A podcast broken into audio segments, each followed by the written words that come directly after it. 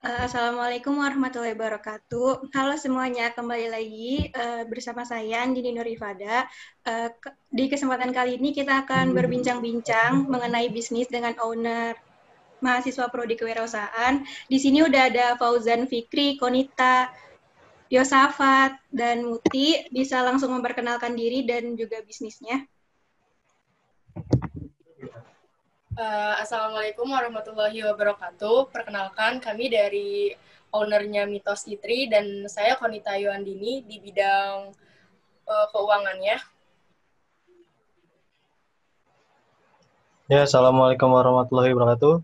Saya Fauzan Fikri di bidang produksi. Ya, Assalamualaikum warahmatullahi wabarakatuh. Saya Mutia Ulan dari marketing.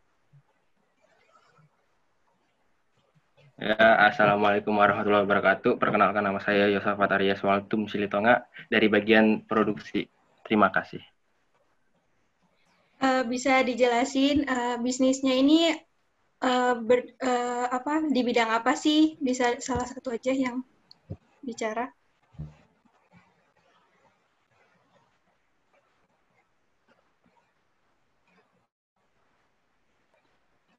Uh, gimana putus-putus? Bisa dijelasin bisnisnya ini bergerak dalam bidang apa? Aduh, sinyal gue putus. Ada yang... Halo? Iya, suara saya jelas. Putus-putus uh, sendiri? Jawab, di kalau di saya suaranya nggak putus-putus, jadi mau ngejelasin sedikit bahwa mitos Itri ini bergerak di bidang kuliner, uh, tapi bisa juga di, dibilang food and beverage karena di sini tuh nggak hanya menjual dessert aja atau makanan aja karena karena di sini tuh juga menjual uh, berbagai minuman dan makanan ringan serta dessert-dessert. Dessertnya itu contohnya seperti apa ya kalau boleh tahu? Uh, dessertnya juga banyak variannya kayak misalkan contohnya itu ada kayak yang uh, ada buahnya juga misalkan yang ada buahnya itu mango milk cheese dan ada juga yang uh, full coklat kayak misalkan Oreo cheesecake kayak gitu. Dan berdirinya itu dari kapan ya? Sejak kapan? Iya, kalau mitos ini berdirinya uh, bulan Maret lalu, tanggal 14 Maret 2020. Dan sampai sekarang masih berjalan? Alhamdulillah masih. Hmm, masih. Uh, kan udah banyak ya dessert-dessert ya di luaran sana yang menjual. Nah, apa sih kelebihan dessert kalian dibanding dengan dessert yang lain? Nah, kelebihan dari dessert mitos Fitri ini, ini uh, misalkan kita lihat dari pangsa pasar di Tasikmalaya ya khususnya kita bisa lihat bahwa di Tasikmalaya itu sangat jarang yang menjual uh, dessert dan bisa dilihat juga bahwa dessert-dessert di Tasikmalaya itu uh, paling enggak kita bisa nemuinnya di yang terkenal gitu misalkan kayak Blitok atau Jiko atau apa gitu. Nah, di sini juga kelebihan dari dessert kita itu kita itu tidak pakai bahan pengawet dan bikinnya itu made by order. Jadi misalkan customer ada yang order kita buat kayak gitu. Nah, terus kita juga uh, menawarkan harga yang murah uh, dengan kualitas uh, premium juga. Dan juga kita memakai susu yang rendah lemak dan uh, dan itu nggak nggak dikhawatirkan bagi orang-orang yang diet juga nggak bikin gemuk. Nah, uh, terus kenapa kalian memilih untuk berbisnis berpartner? Apa sih maksudnya? Uh, apakah untuk dijalani sendiri itu sulit atau memang bagaimana? Ya, jadi kita di sini memilih bisnis berpartner itu. Jadi dari yang pertama ya, kita enaknya tuh dari masalah keuangan atau segi modal gitu ya. Jadi kita terbantu oleh partner yang lain. Nah, selain itu juga di jika kita mempunyai ke apa sih namanya keterampilan eh, kayak kurang nih kita bisa dibantu oleh partner yang lainnya juga. Nah, terus kemudian jika bisnis yang kita bangun bersama partner ini kita bisa menambah relasi relasi yang lebih luas sehingga proses proses dalam pemasarannya lebih mudah. Uh, nah, terus kalian ini ada nggak kepikiran buat nambah partner atau uh, me, apa atau menarik uh, orang lain untuk bergabung di bisnis kalian ini? Kalau sampai saat ini sih belum ada kepikiran mau nambah lagi orang. Atau yang sekarang ada yang mau keluar gitu apa emang masih bertahan segini? masih bertahan kayaknya segini. Amin, semoga seterusnya ya. Amin. Terus uh, strategi pemasaran apa sih yang kalian lakuin buat bisnis ini? Uh, Gita, terima kasih atas pertanyaannya. Kalau untuk sekarang kan ya di masa pandemi kita tahu gitu segala kegiatan dan segala macam itu terhambat gitu ya. Baik dari kuliah, kita online atau dari kerja work from home segala macam gitu ya. Jadi mungkin satu-satunya cara gitu yang paling efektif dan paling bisa kita lakukan di masa pandemi ini adalah melakukan pemasaran di media sosial gitu ya. Karena seperti kita ketahui juga gitu, intensitas orang bermain HP atau menggunakan sosial media di masa pandemi ini bertambah. Kenapa gitu? Karena itu seiring juga bertambah dengan intensitas orang berada di rumah gitu. Karena segala kegiatan sekarang kan apa e, serba di rumah gitu dan orang-orang juga pada takut gitu keluar rumah karena e, corona segala macam gitu. Maka mereka banyak mengisi kegiatan di rumah itu dengan main HP dan segala macam. Jadi kami percaya gitu bahwa ketika kami menguat uh, mengfokuskan pemasaran di media sosial gitu uh, orang yang melihat uh, orang yang melihat apa produk kami itu akan bertambah banyak daripada hari biasanya gitu karena orang-orang lebih di rumah tuh lebih mengisi waktu itu dengan bermain sosial media dan segala macam gitu. Dan juga kalau kami melakukan pemasaran secara offline gitu atau memberi pamflet atau ke event-event itu sangat beresiko bagi kami gitu ya dan sangat uh, tidak memungkinkan gitu. Jadi satu-satunya cara yaitu melakukan media apa pemasaran di bagian online gitu. Uh, nah, terus kan kalian bisnis ini kan berjalan di saat pandemi ya? Iya. Bener kan? Uh, nah, terus uh, apa ada nggak sih rintangan atau hambatan yang kalian alami gitu selama ini? Dan gimana sih apa uh, bisnis kalian itu bisa tetap berjalan gitu? Oh, jadi untuk perubahannya itu sendiri uh, pada masa pandemi ini uh, bagi bisnis kita sangat sangat itu ya sangat apa uh, sangat terasa perubahannya. Karena yang pertama uh, kita berada di bisnis kuliner. Lalu yang kedua owner-ownernya itu di berbeda kota. Nah jadi kan susah ya kalau kuliner uh, kalau mau kalau kuliner tapi orang-orangnya pada pisah gitu. Kan nggak bisa nggak tinggal di satu kota yang sama itu susah kalau kuliner.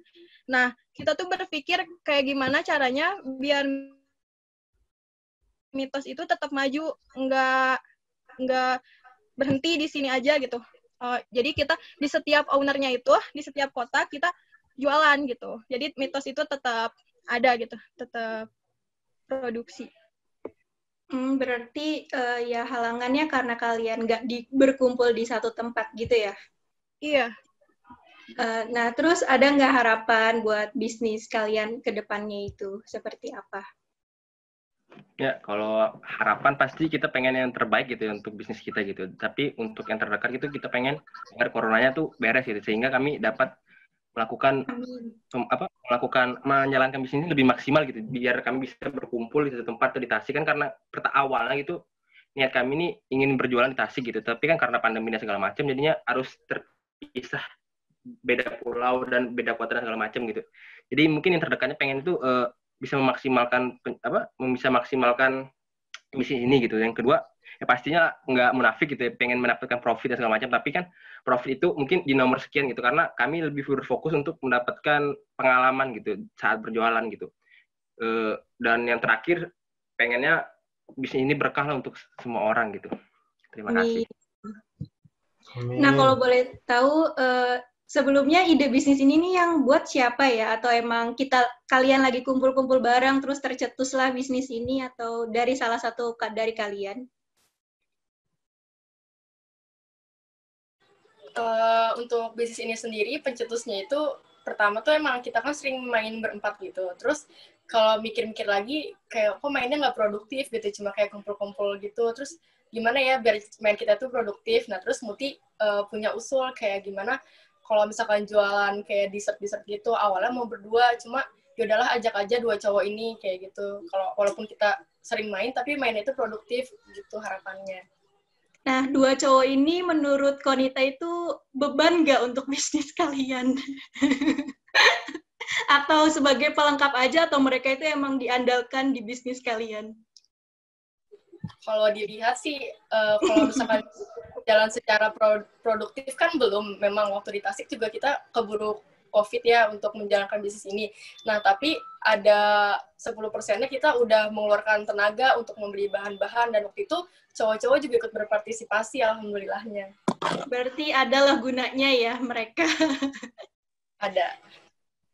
Uh, uh, uh, boleh kasih tahu untuk uh, yang melihat uh, ini wawancara ini eh, tips-tips uh, untuk mereka yang mau memulai bisnis uh, itu bagaimana sih? Jadi kalau tipsnya dari saya, kalau mau usaha itu jangan mikir nanti ke depannya bakalan laku apa enggak, bakalan rame atau enggak. Yang penting kita udah coba jalanin dulu, nanti ke depannya lihat ke depannya. Jadi jangan pernah mikir kayak gitu, harus tetap semangat. Ada yang mau ditambahin? Kalau dari uh, saya. Kalau, dari saya.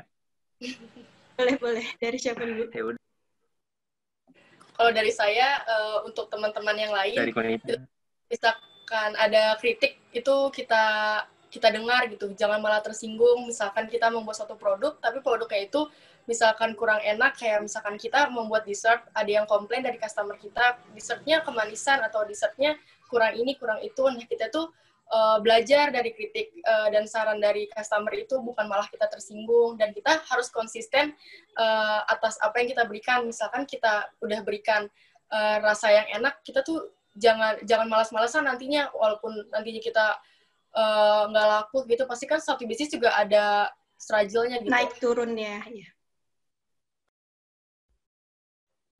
ya kalau dari saya jangan takut untuk memulai gitu. Kenapa? Karena kalau misalnya kalian mempunyai ide dan segala macam, tetapi takut untuk memulai, kalian nggak bakal tahu hasilnya gitu. Pertama, mungkin kalian ingin memulai, tetapi takut gagal tuh. E, menurut saya gagal itu pasti gitu. Kenapa? E, karena rata-rata orang-orang sukses itu pasti pernah gagal gitu. Karena apa? Dan ketika kalian dihadapkan oleh kegagalan, kalian mempunyai dua pilihan gitu. Terus lanjut atau itu menjadi e, kalian stop di situ. Tapi seharusnya kegagalan itu menjadikan modal kalian gitu untuk ke depannya. Sehingga ketika kalian melakukan memulai kembali gitu kalian tahu gitu apa aja sih yang salah dari sebelumnya itu. Tetapi kalau misalnya kalian nggak bakal memulai kalian nggak bakal tahu gitu kalian salah di mana gitu. Jadi jangan pernah takut untuk mulai dan jangan pernah takut untuk gagal gitu. Ya Fauzan barangkali yang mau ditambahin?